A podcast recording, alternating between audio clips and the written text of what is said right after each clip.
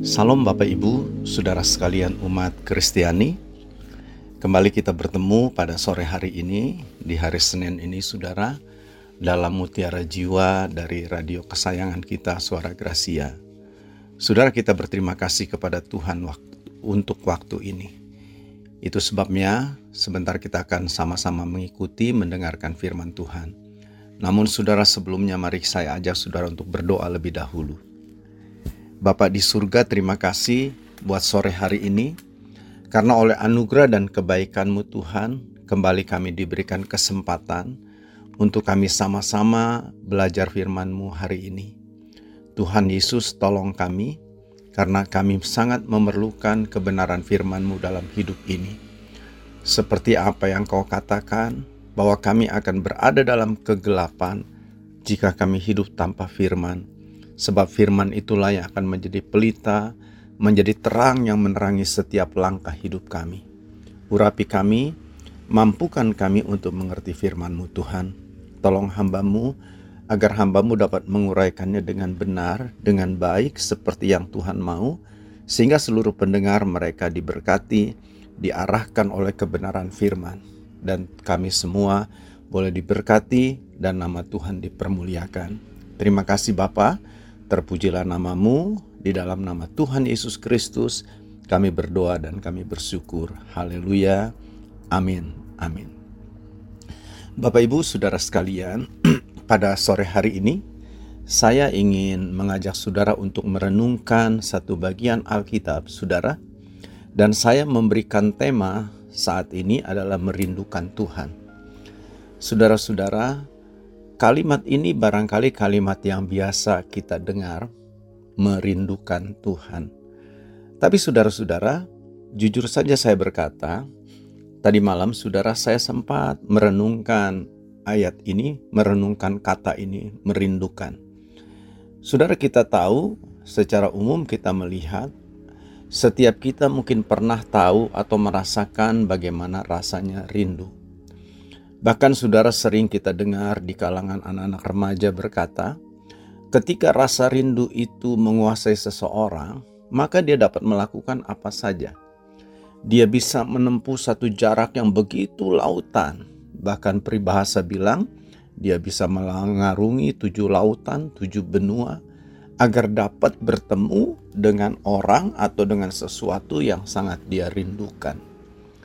Saudara itu satu ungkapan yang suka kita dengar, yang mungkin kita sering dengar juga, saudara, yang menggambarkan bagaimana satu rasa yang disebut dengan rindu itu membuat seseorang itu, saudara, melakukan sesuatu yang sepertinya tidak memperhitungkan resiko, tidak memperhitungkan segala sesuatunya. Nah, jadi saudara-saudara, rindu itu sesuatu yang memang begitu luar biasa Pertanyaannya tentu sejauh mana rindu kita kepada Tuhan. Saudara, kalau saya membaca di dalam kamus bahasa Indonesia, saudara kata rindu itu diterjemahkan atau didefinisikan sebagai keinginan atau harapan yang kuat terhadap sesuatu. Jadi bukan hanya terhadap seseorang atau pribadi, mungkin juga sesuatu berupa benda, begitu saudara bisa jadi. Tapi di dalamnya itu ada sebuah keinginan, satu harapan yang bukan biasa-biasa saja. Tapi begitu kuat sekali saudara, sehingga dia boleh mendorong orang itu yang di dalamnya ada rindu itu saudara, melakukan sesuatu gitu. Sehingga boleh mewujudkan kerinduannya itu. Nah, saudara-saudara, di dalam bahasa Alkitab, khususnya dalam Perjanjian Lama, ya, kata rindu itu saudara disebut dengan kata kamah. Nah, kata kamah ini memiliki pengertian sederhana sebenarnya, kangen, bukan hanya kangen, tapi sangat kangen begitu, saudara. Ya. Seperti ada sesuatu yang kurang dalam hidupnya, gitu. Kalau sampai sesuatu itu nggak ada. Nah, Bapak Ibu Saudara sekalian, jadi dari definisi singkat ini, kita coba bisa melihat, kita coba bisa mengukur ketika kata rindu itu kita terapkan dalam diri kita terhadap Tuhan. Saudara, Kemarin saya melayani di satu gereja. Saudara saya menyampaikan, menjelaskan tentang kedatangan Tuhan yang kedua kali. Penjelasan saya bukan penjelasan yang mengatakan bahwa Yesus akan datang nanti kapan begitu tidak. Tapi saya coba mengajak menjelaskan bahwa saudara sejauh mana kerinduan kita terhadap Tuhan. Salah satunya itu ditunjukkan saudara dengan kerinduan kedatangannya dia. Saudara, jujur saja ada banyak orang-orang Kristen sepertinya tidak lagi mengharapkan atau kerinduannya itu sudah pudar, sudah padam, saudara, kerinduan terhadap Tuhan. Coba deh saudara jujur, kalau saudara mau secara jujur katakan memeriksa diri, masih ada nggak kerinduan? Masih ada nggak doa, katakan kalimat-kalimat yang kita katakan, Tuhan kapan sih engkau datang? Aku sangat rindu sekali Tuhan ingin ketemu dengan engkau. Pernah saudara berdoa seperti itu? Saudara saya khawatir ada banyak orang justru sepertinya tidak mengharapkan lagi kedatangan Tuhan Nah tentu saudara ini satu kondisi, satu keadaan yang sangat memprihatinkan. Nah itu sebabnya saya ingin ajak saudara mari kita belajar apa sebetulnya bagaimana seharusnya hidup ini terhadap Tuhan. Dan saudara kita akan belajar dari seorang yang bernama Daud, ya seorang pemazmur. Di dalam kitab Mazmur pasal yang ke-42. Nah, ini ayat yang sangat terkenal ya. Satu ayat yang kita kenal, kita tahu saudara ayat ini. Mazmur pasal yang ke-42 ayat 1 sampai dengan ayat yang ketiga. Saya akan bacakan, coba saudara simak baik-baik ya. Kalimatnya sederhana, tapi saya melihat memiliki makna yang begitu dalam. Saudara bunyinya demikian. Judul perikopnya itu kerinduan kepada Allah. Untuk pemimpin biduan, nyanyian pengajaran Bani Korah. Ayat 2, seperti rusa yang merindukan sungai yang berair, demikianlah jiwaku merindukan engkau ya Allah. Jiwaku haus kepada Allah, kepada Allah yang hidup. Bilakah aku boleh datang melihat Allah? Saudara, satu ungkapan ya, yang dikeluarkan oleh pemazmur tentang kerinduannya itu kepada Allah. Saudara-saudara, ini menurut saya perlu kita pahami sebab begini saudara. Banyak kali nih dalam kehidupan kita, kita menemukan ada hal-hal yang gak beres dalam hidup kita.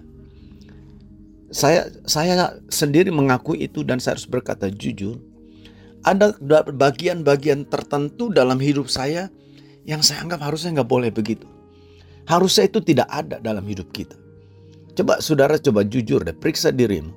Ada nggak bagian-bagian dalam hidup saudara yang seharusnya sebagai orang percaya itu tidak boleh ada dalam hidup saudara? Nah, Bapak Ibu, saudara sekalian, ini kondisi bukan hanya dialami oleh satu dua orang anak-anak apa anak-anak Tuhan. Banyak saudara orang-orang Kristen yang seperti itu keterikatan mereka terhadap dosa, keterikatan mereka terhadap kebiasaan-kebiasaan buruk, keterikatan mereka terhadap katakan hal-hal yang bersifat pornografi, keterikatan mereka kepada hal-hal yang jahat sudah itu masih nyata dan itu terjadi, saudara bukan terjadi pada orang-orang di luar Tuhan. Tidak sedikit saudara orang-orang yang setiap minggu ke gereja, bahkan mereka yang mungkin terlibat di dalam pelayanan gereja. Tapi masa ada, masih ada sisi hidupnya saudara yang katakan nggak beres tuh saudara. Saya sed, bukan sedang menghakimi ya, tapi saya coba mengajak saudara untuk melihat secara objektif, secara jujur diri ini. Saya harus berkata dengan jujur, ada bagian-bagian dalam hidup saya yang harusnya tidak boleh terjadi. Saudara bukan saya tidak berupaya untuk membuang itu, Bukan saya tidak berupaya untuk mengatasi itu. Saya berupaya, saya coba lakukan ini dan itu. Tapi jujur saja, saudara, itu tidak semudah kita membalik telapak tangan. Saudara, saya kasih contoh begini. Ada seorang bapak, saudara. Satu saat saya dengar dia jatuh dalam perjinahan. Waktu dia jatuh dalam perjinahan itu, Karena saya kenal dengan Bapak ini saya panggil. Saya ajak ngobrol, saudara saya ngobrol. Wah dia mengakui, dia nangis, dia minta ampun. Dia bilang tolong doakan saya Pak Pendeta. Dia bilang supaya Tuhan melepaskan saya dari ikatan ini. Saudara saya melihat seperti dia sungguh-sungguh menyesali apa yang dia lakukan gitu. Saya doakan, sudah. Saya doakan, saudara saya doakan dengan sungguh-sungguh. Dan selesai saudara dia berkata, aduh terima kasih Pak Pendeta saya merasa plong, saya merasa enak lepas gitu. Tapi saudara tahu, beberapa waktu kemudian kembali jatuh. Saudara dalam hal yang sama, dalam pelanggaran yang sama, dalam dosa yang sama. Dan saudara ini banyak situasi seperti dialami oleh banyak orang. Nah persoalannya sekali lagi, saudara kenapa? Itu hanya satu contoh kecil. Ada banyak dalam sisi kehidupan kita, saudara, contoh-contoh yang nyata tentang hal itu. Nah, ini menjadi sebuah pergumulan tentunya. Nah, saya berharap saudara, biarlah kiranya apa yang dikatakan oleh pemazmur ini menjadi sebuah jawaban atas pergumulan-pergumulan tersebut. Karena sekali lagi saya pahami saudara, tidak mudah untuk kita melepaskan itu. Nah, saudara, tentu diperlukan adanya sebuah tindakan. Diperlukan adanya sesuatu yang harus kita kerjakan. Saya mau sebut sesuatu itu adalah dengan sebutan disiplin secara rohani. Apa maksudnya saudara disiplin secara rohani itu? Begini saudara, tadi malam ya, kalau saya tidak salah tadi malam, saya menulis dalam status media sosial saya saya membaca dari sebuah buku, saudara ada kalimat ya penggambaran yang menurut saya menarik sekali, saudara. Kalimat penggambarannya itu berkata begini, saudara. Dikatakan ya, saya bacakannya. Seorang petani tidak berkuasa untuk menumbuhkan gandum. Ia hanya dapat menyediakan keadaan yang baik bagi pertumbuhan gandum itu. Ia menabur benih, dikatakan, ia menaburkan benih itu di tanah, di mana setelah itu kekuatan alami akan mengambil alih dan menumbuhkan benih itu. Saudara, apa yang saya maksud? Apa yang dimaksud dengan kalimat ini atau penggambaran ini? Saudara-saudara, kita coba berupaya untuk menumbuhkan, menghilangkan hal-hal yang buruk. Kegagalan demi kegagalan banyak dialami kan saudara? Tetapi saudara-saudara, Tuhan menyediakan kepada kita satu lahan yang disebut saudara-saudara yaitu kedisiplinan rohani. Macam-macam di dalamnya ya, saya tidak mungkin bisa jelaskan itu satu persatu. Nah, ketika kita saudara masuk dan hidup di dalam kehidupan disiplin secara rohani itu, saudara kita akan lihat ada kekuatan lain di luar diri kita. Itulah kekuatan Allah yang akan mulai mengerjakan sesuatu dalam hidup kita. Sehingga saudara, kita akan dapati hidup kita berubah. Kita akan dapati saudara hal-hal yang buruk itu terlepas dari dalam kehidupan kita. Nah itu bukan lagi saudara upaya kita.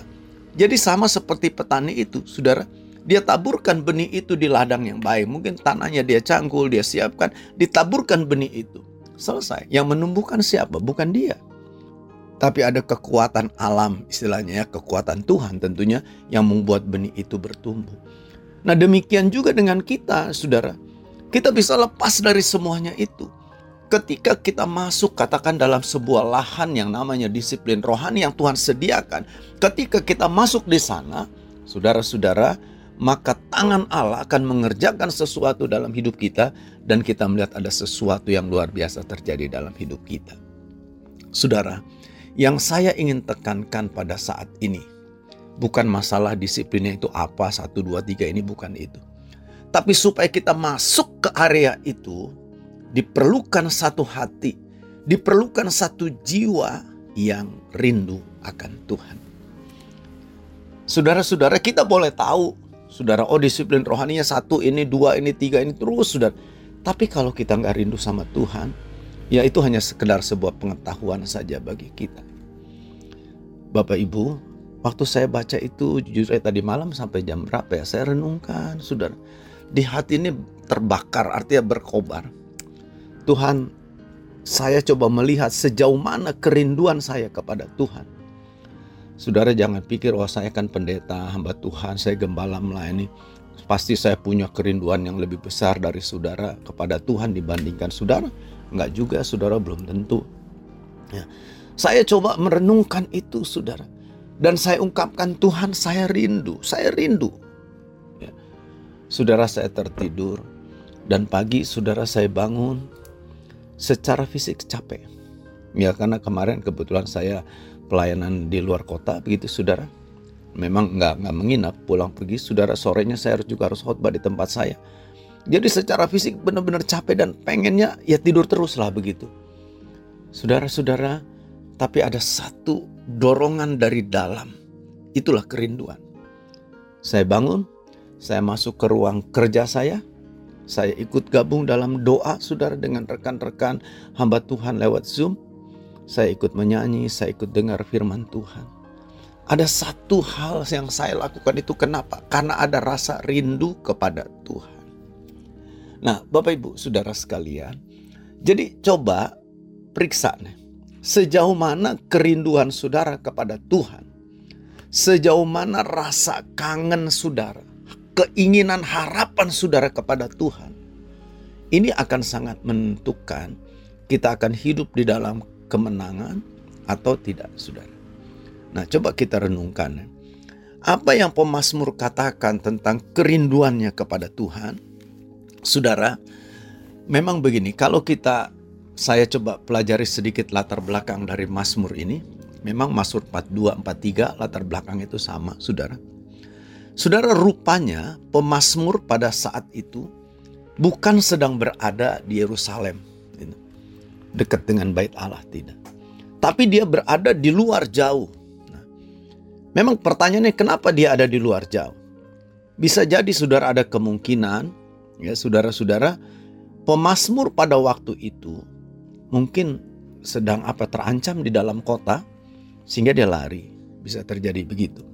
Yang kedua, saudara bisa jadi juga dia dibuang, dihukum gitu kan oleh penguasa kota sehingga dia ada di luar kota. Memang tidak begitu jelas, tapi yang pasti posisi dia, keberadaan dia itu jauh dari bait Allah itu. Nah, saudara lihat apa yang terjadi ketika situasi itu terjadi pada pemazmur di mana saudara dia berada jauh dari Allah. Saudara dalam pengertian jauh dari Allah itu dia jauh dari bait Allah.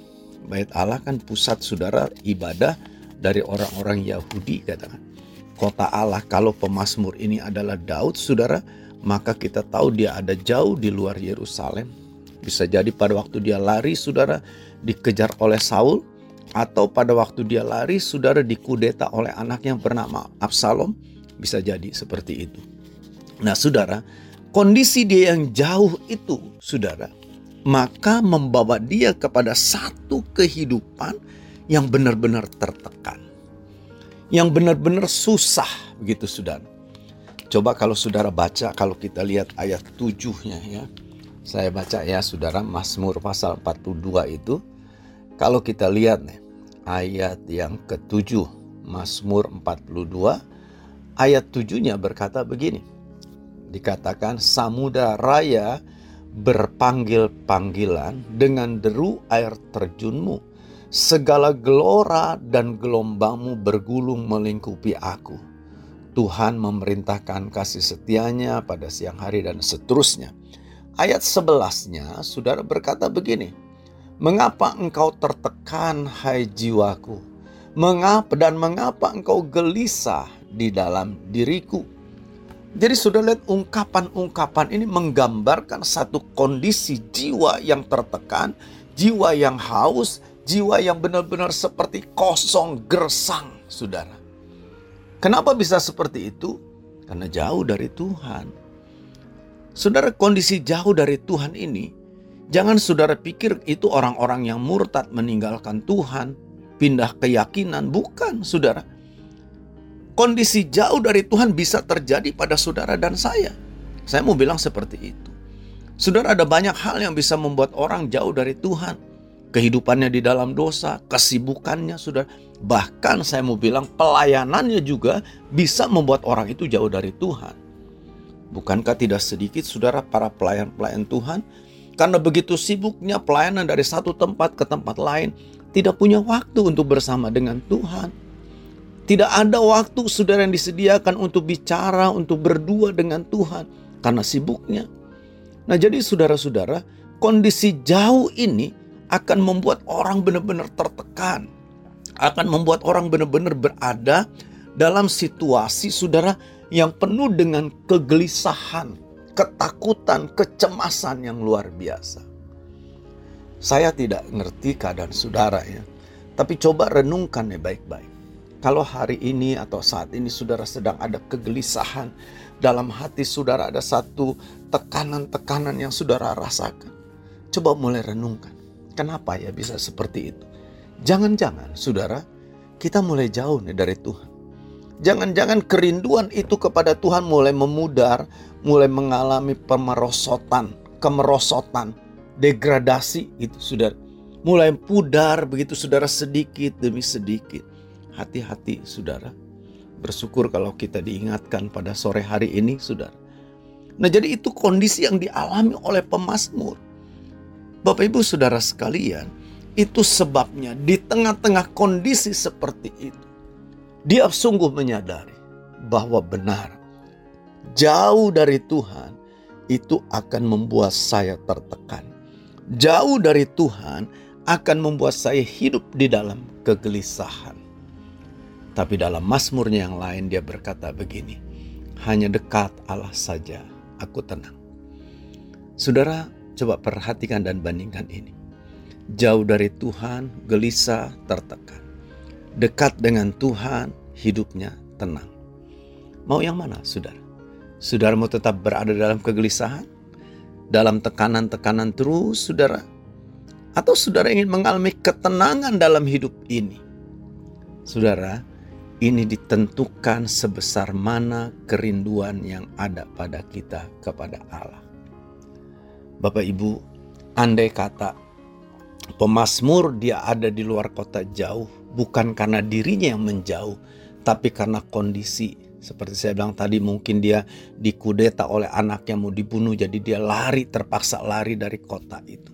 Kan bisa jadi begitu, saudara. Kalaupun keadaannya seperti itu, saya ingin katakan, ada nggak kerinduan itu? Sebab sekali lagi saya bilang, saudara, orang yang berada dalam keadaan jauh itu itu pasti nggak enak. Pasti nggak enak deh saudara. Nah yang menarik saudara dalam ayat ini, pemazmur gambarkan dia katakan seperti rusa yang merindukan, dia bilang, ah, sungai yang berair. Saya coba cari-cari artikel keterangan kenapa sih kok pemazmur saudara mengungkapkan seperti rusa yang merindukan sungai yang berair. Saya dapatkan saudara ada satu artikel yang saya baca tentang hal itu. Jadi saudara kita tahu rusa itu adalah salah satu binatang yang sering kali menjadi apa ya mangsa lah katakan mangsa empuk bagi binatang lain. Bagi singa, bagi macan begitu saudara ya. Jadi saudara sangat apa itu sebagai satu makanan yang sangat enak begitu. Jadi sering kali saudara hidupnya itu terancam. Nah, saudara biasanya ketika dia dalam keadaan terancam seperti itu, dia akan lari sekuat-kuatnya. Dan saat itu biasanya saudara yang dia cari itu adalah sungai. Kenapa dia cari sungai? Karena dia sedang dalam keadaan terancam. Saudara nyawanya berada dalam bahaya yang serius. Nah, ketika dia temukan ada sungai yang berair, dia bisa nyembur ke situ. Dia bisa terjun ke situ, saudara, dan dengan demikian dia akan terlepas dari terkejaran pemangsanya itu. Itu yang pertama yang saya baca, saudara. Lalu yang kedua yang saya baca juga, kalau dikatakan, saudara, dia dikejar-kejar begitu setelah begitu capek luar biasa kata. Mungkin dia lolos ya dari pemangsanya itu, saudara. Tapi saudara kelelahan yang begitu luar biasa dia alami. Dalam situasi yang seperti itu, yang dia rindukan adalah air yang dapat menyegarkan kembali, melepaskan dahaganya. Jadi saudara-saudara bukan kehausan biasa nih, Tapi kehausan yang benar-benar saudara itu kalau apa ya? Katakan kalaupun harus beli berapapun harganya berani dia bayar begitu sudah. Karena ada satu kehausan yang begitu luar biasa. Saudara, gambaran yang diberikan oleh pemazmur menurut saya begitu luar biasa.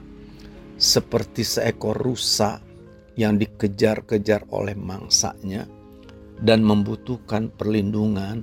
Perlindungan itu ada pada sungai yang berair Lalu saudara dalam Mazmur itu kan dia katakan, demikianlah jiwaku merindukan engkau. Saudara luar biasa ya. Jadi dia bilang seperti rusa yang tidak tenang hidupnya, yang tertekan hidupnya, yang terancam hidupnya. Siapa yang bisa melepaskan aku? Siapa yang bisa membebaskan aku? Siapa yang bisa membawaku kepada kedamaian dalam situasi seperti ini? Ada satu pribadi yang bisa melepaskan, itulah Allah. Saudara, dan pemazmur sangat mengerti menyadari itu. Itu sebabnya dia bilang, Tuhan aku rindu. Aku rindu ada bersamamu. Aku rindu dekat denganmu. Karena di sana aku akan dapatkan sebuah ketenangan. Karena dengan dekat dengan Allah itu, saudara, di situ dia akan aman. Ada perlindungan yang sempurna yang Allah berikan. Dan juga saudara, hanya dekat Allah saja. Hanya bersama-sama dengan Allah. Maka akan ada kelepasan dari segala dahaga jiwa ini. Saudara tahu, orang-orang yang jiwanya itu dahaga, jiwanya lapar. Saudara dia bisa cari air apa saja dia bisa minum apa saja, dia bisa makan apa saja dalam keadaan lapar, saudara. Kita tahu kalau kita sedang dalam keadaan lapar, katakan makanan yang tidak kita suka pun barangkali kita coba untuk makan. Istilahnya orang ya terpaksa daripada tidak ada, daripada lapar gitu kan. Jadi saudara kita lihat ada banyak orang-orang Kristen dalam kondisi seperti ini. Jiwanya kosong, jiwanya kering kerontang. Jiwanya itu lapar, saudara. Dan mereka coba cari apa makanan yang ada di sekitar sudah dimakan saja tanpa memperhatikan saudara makanan itu sehat atau tidak, bersih atau tidak, bermanfaat atau tidak, makanan itu basi atau tidak, mungkin begitu. Saudara-saudara, itu sebabnya sebetulnya ada satu tempat yang bisa melepaskan dahaga kita, melepaskan rasa lapar kita ini. Itulah dekat dengan Tuhan. Jadi saudara cobalah renungkan. Saya tidak tahu nih keadaan saudara seperti apa hari-hari ini. Saudara sedang dicekam, sedang gelisah, karena ada persoalan yang seperti yang mengejar saudara, ingin memangsa saudara, menghancurkan hidup saudara. Bisa jadi saudara ada orang-orang yang mengalami seperti itu. Atau saudara sedang berada katakan dalam kelaparan, kehausan, dan saudara selama ini makan makanan yang tidak sehat lagi, tidak baik lagi, asal minum saja begitu. Hari ini saudara, ada satu jawaban yang pemazmur berikan sama kita. Allah sanggup menjadi perlindungan bagi hidup kita. Allah sanggup akan melepaskan dahaga dan lapar jiwa kita. Dan bagaimana kita bisa meraih itu? Saudara, diperlukan hati yang rindu.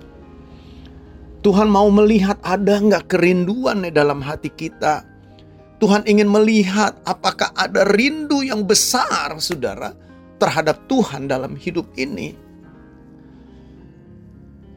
Saya, saudara, jujur saya bilang, saya suka nangis di hadapan Tuhan. Ketika kesibukan-kesibukan itu menyita saudara waktu bersama dengan Tuhan. Saya kadang lah Tuhan ampuni saya. Saya menyesali, saya lihat kelihatan sibuk, kelihatan aktif pelayanan ke sana kemari, tapi sesungguhnya jiwa saya kosong. Sesungguhnya jiwa saya ini haus, lapar, kering Tuhan. Saudara, barangkali ada saudara yang pernah seperti saya gitu. Mengalami seperti itu.